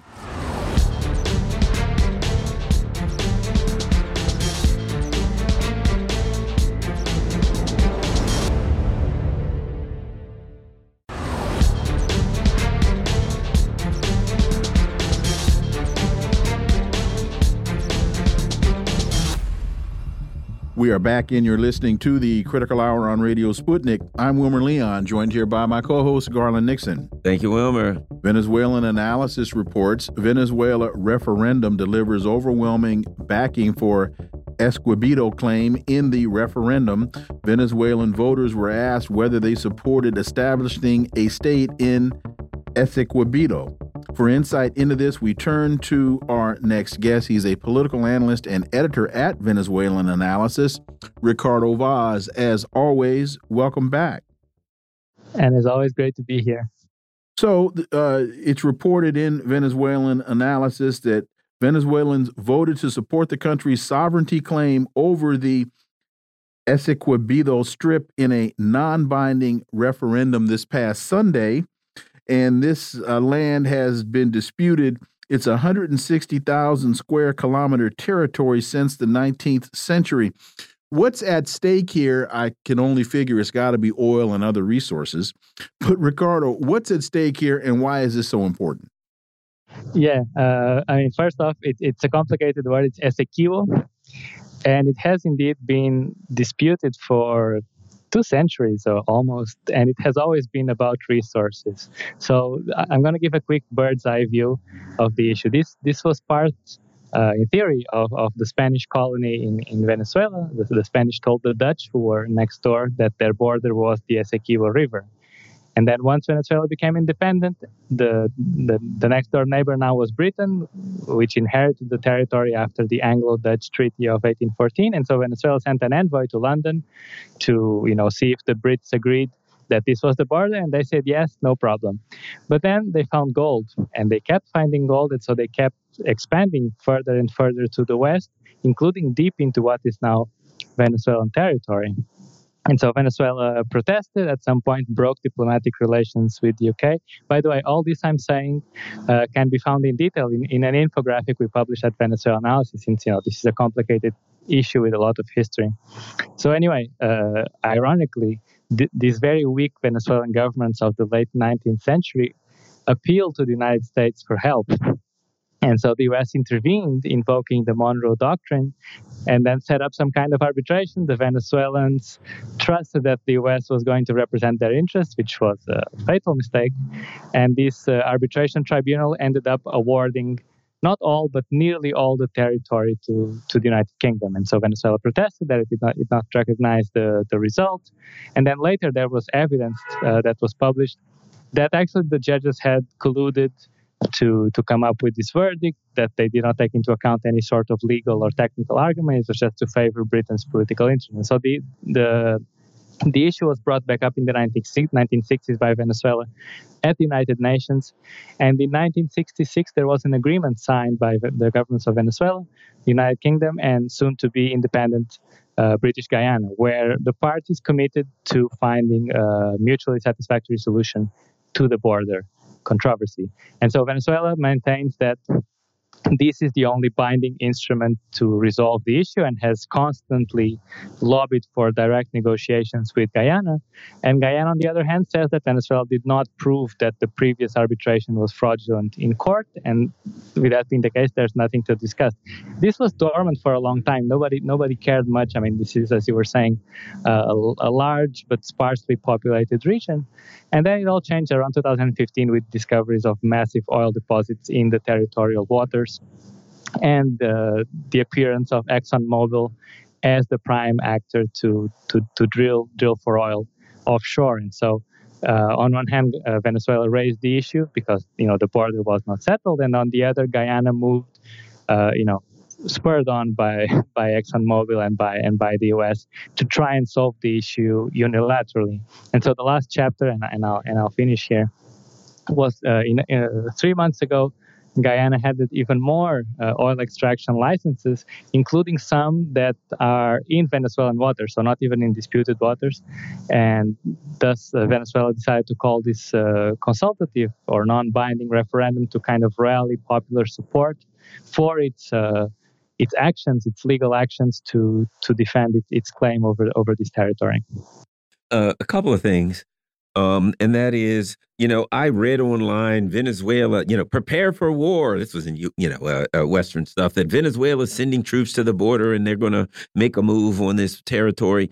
Um, is there anything about the government of Guyana that we need to need to know? And the reason I ask this is because in the oftentimes the you know you take Colombia. Colombia was antagonistic towards Venezuela because they had a puppet government in, and once the government became a government of the people, they were able to settle their differences. Is Guyana in one of those Ivan Duque situations where they have a leader who is you know subservient to U.S. imperialism? Yeah, that's something very important to, to keep in mind. I don't, I don't want to dismiss uh, outright Guyana's uh, position in, in this dispute because their argument is that it's not uh, whatever happened before independence is not exactly their responsibility. So it, it is a complicated issue in, in purely diplomatic matters. But we have to take into account U.S. Uh, intervention. Uh, just a couple of months ago, and this will give you the, the picture already, there were joint military military exercises between the U.S. Southern Command and the Guyanese military. And it wasn't the first time. Uh, just a couple of weeks ago or a week ago, there was a delegation from the U.S. Department of Defense in Guyana, and Venezuela says that it has uh, reasons to believe or intelligence uh, readings that the, the U.S. is planning to set up a military base in Guyana. So it may very well be trying to take advantage of, of this unresolved issue and, and the border tensions because you know, the Guyanese army beefed up its presence on the side of the border. The Venezuelan army also increased its kind of uh, vigilance, patrols, and so on. And so the U.S. may very well try to look for an excuse to set up a military base here after having lost influence in other parts of the continent and use it as, uh, as you were mentioning. You know, the, the Duque government in, in Colombia have uh, open another front to to attack the Bolivarian revolution. That's that's that's very much uh, something that we're keeping an eye on. What about the people in the region? Uh, I don't know how you refer to them as Essequibodoians. I don't I don't know how you how they're referred to, but it's an area that's larger than Greece. It's rich in minerals. It provides access to the Atlantic, um, where there are oil reserves available. How many people live there? How do how do the people that live there categorize themselves? Yeah, I mean, I think it's an important issue, and, and we have to, to make an honest assessment here. Uh, in Spanish, they're called Essequibanos. I, am not sure there's even a, what's the, the English equivalent. They, they are only 125,000 people in this huge area, so it's very, very sparsely populated. Mm -hmm. And it has to be said that throughout these two centuries of dispute, none none of the of the, the independent countries nor the colonizing powers really took the, the people who lived there into account. Nobody ever asked them what, what they wanted. Mm-hmm. So at this point, they are they are Guyanese. I mean, they've never known a different a different reality. Okay, they, are Guyanese citizens. They are Guyanese citizens, okay. but at the same time, they are indigenous peoples, and these indigenous peoples I mean, they they spread across, across borders. So uh, these borders are, are artificial for them. At this point, uh, I mean, th- there's really no sentiment across the border that would identify them with, with Venezuela. But this is, as, as I was saying, is, is a, a diplomatic or a, re, a, sovereignty dispute that goes back to before Guyana was independent. Uh, I think it's disappointing that uh, you know all this discussion is being centered on I don't know the International Court of Justice and and uh, oil reserves and so on, and very little mind is being paid to the people who actually live there. And it has to be said that uh, the, these oil discoveries and, and oil exploration has led to a huge uh, or fast development in, in, Guyana, but very unequal because you know these corporations come and they have these arrangements that that are very favorable to them, and so uh, neither the Guyanese government and I think the Venezuelan government, given its experience, could actually make this case that you know its model for uh, oil exploration, even when it involves foreign corporations, uh, brings much more benefits to to the population. Cuban President Miguel Diaz Canel embarked on a historic journey to Iran, arriving in Tehran on Sunday night. This is according to the Orinoco Tribune. Why is this important? Uh, it's very important in the sense of uh, you know uniting the quote unquote axis axis of evil. Uh, Iranian President uh, Raisi was in, in, in Cuba a few months ago. He did a tour on, on Latin America. I would say that perhaps the most pressing issue is for Cuba to find different sources of oil and fuel because it, it has been a constant struggle and it leads to blackouts and so on. But also, I mean, we're seeing an increasing polarization given the, the genocide in, in, Palestine and kind of reinforcing these kind of uh, international alliances to further and further expose uh, the influence of U.S. imperialism, and, and, in the case of Palestine, the, the direct murderous consequences on the ground. Uh, I'll, I'll, have to read up to see if, if, there were, you know, if it was just a kind of diplomatic visit or if there are concrete agreements being discussed between uh, Cuba and, and, Iran. It's actually, I mean, I'm speculating here, but if, if you remember, we discussed this at some point that Iran was uh, helping Venezuela restart its refineries. So it could be something, some kind of uh, triangulated agreement where uh, Iran can send oil to be refined here and then ship to Cuba. I'm, I'm just, I'm giving them ideas if anyone's listening. I know I did see that where the Russian Mir card now, their their credit, their you know credit card is now going to be fully functional in Cuba. So Russians can now um, vacation in Cuba, that can increase their tourism. It's also a mechanism to, to evade sanctions since you are also outside the, the SWIFT system. And so we have uh, Cuba's President Canel, Diaz Canel, in Iran, as Russian President uh, Putin is on his way to, I think, the UAE. Yeah, he's going to a couple different countries right. in there. Right, right. So, so there's there seems to be uh, just a lot of discussion a lot of interaction taking place in the midst of this genocide in Gaza. Indeed, and you also saw, uh, I think it was a week or, or 10 days ago, that there was a delegation of uh, Arab foreign ministers that was doing a tour, and they went to China first, and they were going to Moscow next. So, it, uh, for all the, the talk uh, from the U.S. and Israel, and for all the you know the Western propaganda in overdrive, it's clear that the, the legitimacy of of the West and of the U.S. in particular, and especially in the Middle East, which has always been such a strategic area, is is uh, decreasing by the day and it, it shows when when the, these countries that were usually so subservient to the U.S. now are, are turning to Russia and, and they're turning to China. They even welcomed back Bashar Assad and, and, Syria into the um, into their regional alliances. So it, it shows how uh, you know U.S. influence is being further and further exposed, which of course makes it more dangerous. Uh, you know the the wounded animal that's going to to react. Ricardo Vaz, as always, thank you so much for your time. Greatly, greatly appreciate that analysis, and we look forward to having you back. Thank you so much. Take care. Folks, you're listening to the Critical Hour on Radio Sputnik. I'm Wilmer Leon, joined here by my co host, Garland Nixon. There's more on the other side. Stay tuned.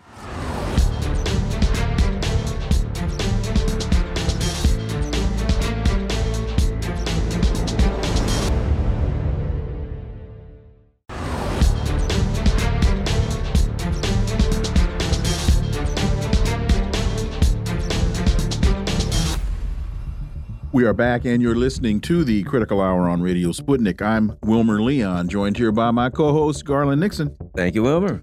Matt Taibbi has a piece entitled Not a Nothing Burger My Statement to Congress on Censorship. The key question in censorship is always the same who's doing it? It's a copy of his testimony before Congress regarding censorship. For insight into this, let's turn to our next guest. He's the co host of The Convo Couch and AM Wake Up on Rokfin, Craig Jardula. As always, Craig, welcome back. Thank you for having me on. Uh, Dr. Wilmers, it's so great to be here. Mr. Garland, it's the critical hour, baby. Let's play. So Taibbi discusses true speech that undermines confidence in government policies has begun to be considered a form of disinformation, precisely the situation the First Amendment was designed to avoid. He also discusses the classically Orwellian concept of malinformation, material that is somehow both true and wrong, which Taibbi says is one of the many reasons everyone should be concerned about these digital censorship programs. Craig Jardula.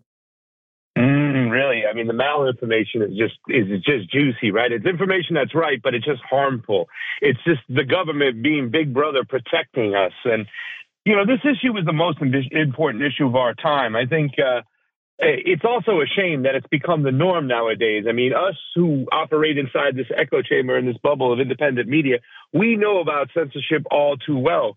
And it really is a shame that uh, it has just become the norm. But we really, we really need to start calling this stuff out for what it is.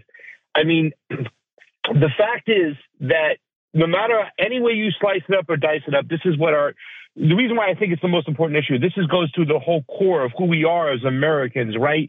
Freedom of speech. You could say you can't. You could say stuff in this country you can't say anywhere else.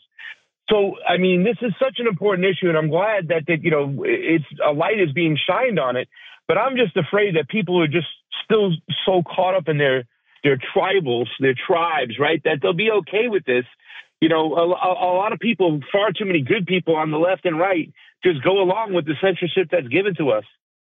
You know, Garland, one of the fundamental elements that I remember of all the stuff that I that I learned when I was in law school, the truth is its own defense. No matter what you say, if it's true, you're good. Uh, with the exception, of course, of um, top secret stuff. Yeah, yeah, but yeah. Barring that, if you're if if you say it, no matter how odious it is, no matter how vile it is, if it's true, you're good. And that now no longer seems to be the reality, particularly when we now have to determine who is defining the truth. Yeah. Uh, isn't this isn't this why a lot of people are against hate speech because they would they would say, well, who gets to determine what hate speech is? You know, and and there is an old saying: if the truth blows it up, so be it. Then the truth blows it up, and that's like you're saying, Doctor. It is always about as long as you're on the side of truth, you'll be fine, even if it's the information is harmful to the ruling class or the ruling bodies or uh, whoever's producing that information. You know what I'm saying? I mean, that used to be the norm. But don't you guys think right now, like, don't you ever put yourself in, inside the shoes of the Democrats right now who seem to be more anti, uh, you know, truth, more censorship? Uh, than the Republicans right now. I mean, don't get me wrong; the Republicans have their own set of gravy too, as well, that they like to, you know, pour on all the all the stuff. They have their people who censor too, as well, and a lot of them shown their true colors when it came to this Israel-Palestine situation. But the tactics in which the Democrats were using today, including Congressman Campbell, were so off. If it was me and I was had to, you know, fight on this side over here, I would try to show that the Republicans are just as you know, anti-speech and just for censorship just as much as the Democrats were, I would try to split hairs over there uh, because they do have their own their own lanes right now too as well. But the fact that they're just trying to blame it on Donald Trump and get all tribal and say that you know, and, and people have to realize this. You know, you might be all for deplatforming and censorship now because you think that that person is wrong and they're on the you know that it's okay to censor as long as you're on the side of truth but that's that's not the case because when the other guy is holding the stick, what's going to happen? Censorship is bad across the board. We should be fighting for speech, period, even if it's speech, especially, excuse me, if it's speech we hate. We need to be fighting for it. Well, you know, and let's remember during the Trump administration, Trump himself got thrown off of off of Twitter, right? Um, yeah, and we found mm -hmm. that there were there was they were discussing, you know, during the Trump administration, there were people in DHS and FBI talking about how they could censor Trump. My point being this: that when you come down to it, it's not really about Democrats and Republicans, is it? It's about the ruling elite class, right? This mm-hmm. discussion, mm -hmm. when they're saying, when Congress members, right? We sometimes you'll have recently we've had Republicans, oh well, you can't say this or that about Israel on campus. Democrats, yep. you can't say this or that, COVID, whatever it is. And what it comes down to is this, I think, uh, uh, Craig. Who do those members of Congress represent? Do they represent the people or do they represent the ruling elite, the business, and the donors? And I think we know the answer. So the censorship is I'm going to censorship the people from saying things that will be inconvenient or damaging to the people that we really represent, which is the ruling elite. Craig. Yeah, I, you hit it right on the nose, uh, Mr. Garland Nixon. I mean, how could you say it any more, you know, clearer than that? And that's the whole thing. The objective is that we want to make sure that they can continue to censor as much as they can without the public pushing back. And the way they do that is they get really tribal. So a lot of people, unfortunately, they tend to say, well, yeah, no, that person should be, that person doesn't have the right. Donald Trump doesn't have the right to tell a lie, right? And then you have people over there, oh no, freedom of speech is freedom of speech with the Donald Trump people and stuff like that. But let's not also forget, you were talking about a whole certain subject. What about the fact that Donald Trump was going along with the fact that they were going to try to whack Julian Assange, yep. the ultimate, you know, free speech guy over there as well. So both sides do it. We do see it a lot in this Israel Palestine thing, but people do have to recognize exactly what you said, Mr. Nixon. Is the fact is that the ruling class wants to censor as much as can and, and get his way with as much as they can, they can. So what do they do? They go back and forth and they try their tribal techniques so that we, the people, fight each other rather than look up at the at the at the ruling class that's censoring us all together. It's it's the most important issue of our time because it leads into everything else even for anti-imperialist leftists like ourselves. Uh, how about uh, DeSantis during COVID? He's Mister Free Speech, and we can't say what we want about COVID. And there were people that bought into that. Well, I don't dock Republicans, but DeSantis seems. Now what happens? Soon as the Israel thing happens, we nobody on campus in Florida is allowed to say anything. He does a 180. It was always a fraud because he represents the elite ruling class. He doesn't represent us, and whatever he, he has to do, he'll do that. In fact, what's transpiring right now on college campuses. In fact, there was, I think, there was a hearing in on, in Congress today. College presidents were brought before Congress uh, in this whole debate about Zionism and uh, anti-Semitism. And there's been, as I'm not saying anything that nobody doesn't already know, but there has been this incredible push to equate Zionism, uh, anti-Zionism as being anti-Semitism. Didn't Congress vote in favor of that or something? Yes, they yep, did. The resolution. 412 to 1. And members of the squad yeah. voted to support that foolishness. Was Massie the only yeah. one or something, I think, that voted uh, against I don't know. Exactly. Thomas Massie was the only one. Rashida Tlaib was a no vote, but Thomas Massie was the only one to push back against that. You go right ahead. I'm so sorry to interrupt. She voted um she voted absent or what she whatever. voted she abstained, yep. yes. She abstained. Abstained.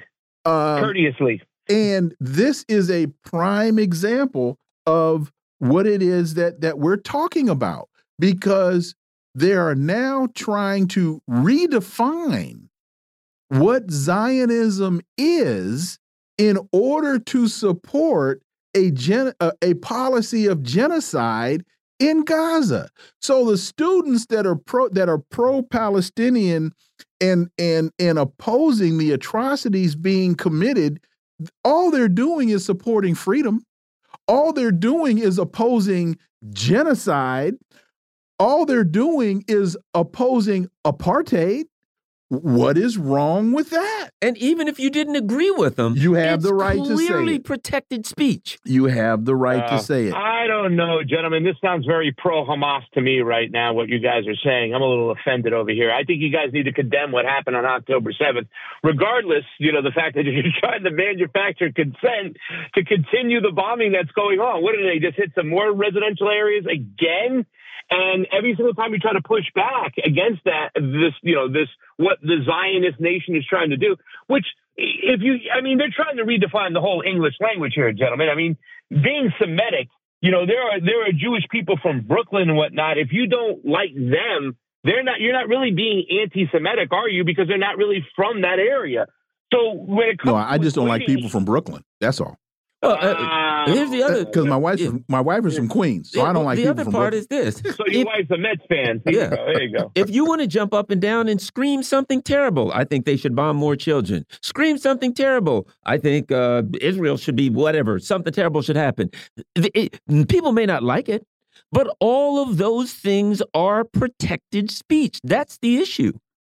Yeah. And that's where we are, right? So all of us disagree with a lot of the Zionist stuff that's been said, you know what I'm saying? And they control a lot of the media, the, the mainstream media in front of us, but none of us have called for them to be deplatformed. Oh, no. None of us have called for them to be silenced. We just say they're wrong. But the tactics in which they're doing, they're trying to equate us to a form of, oh, this is an organized, registered terrorist group. And if you speak for any pro Palestinian point of view, you are automatically aligning yourself with Hamas. You are aligning yourself with terrorists. You need to be deplatformed. You need to be shut up. You need to be silenced. And we're just headed in the wrong direction. But you know what? The good thing is about this, gentlemen, is that now a lot of people on the populist right who for a little time were our allies when it came to Ukraine and saying we need to stop this, They've now showed their true colors, and they've showed us for quite some time. If you watch a lot of these hearings, got to get out. You know, you might have, you might have better time watching grass grow. You'll see that they're just as you know pro censorship as everyone else. Don't shrink the platform, expand it. Let more people speak. Craig Jardula, thank you, folks. You've been listening to the Critical Hour here on Radio Sputnik. Thank you for allowing our voices into your space. Be safe. Peace and blessings. We're out.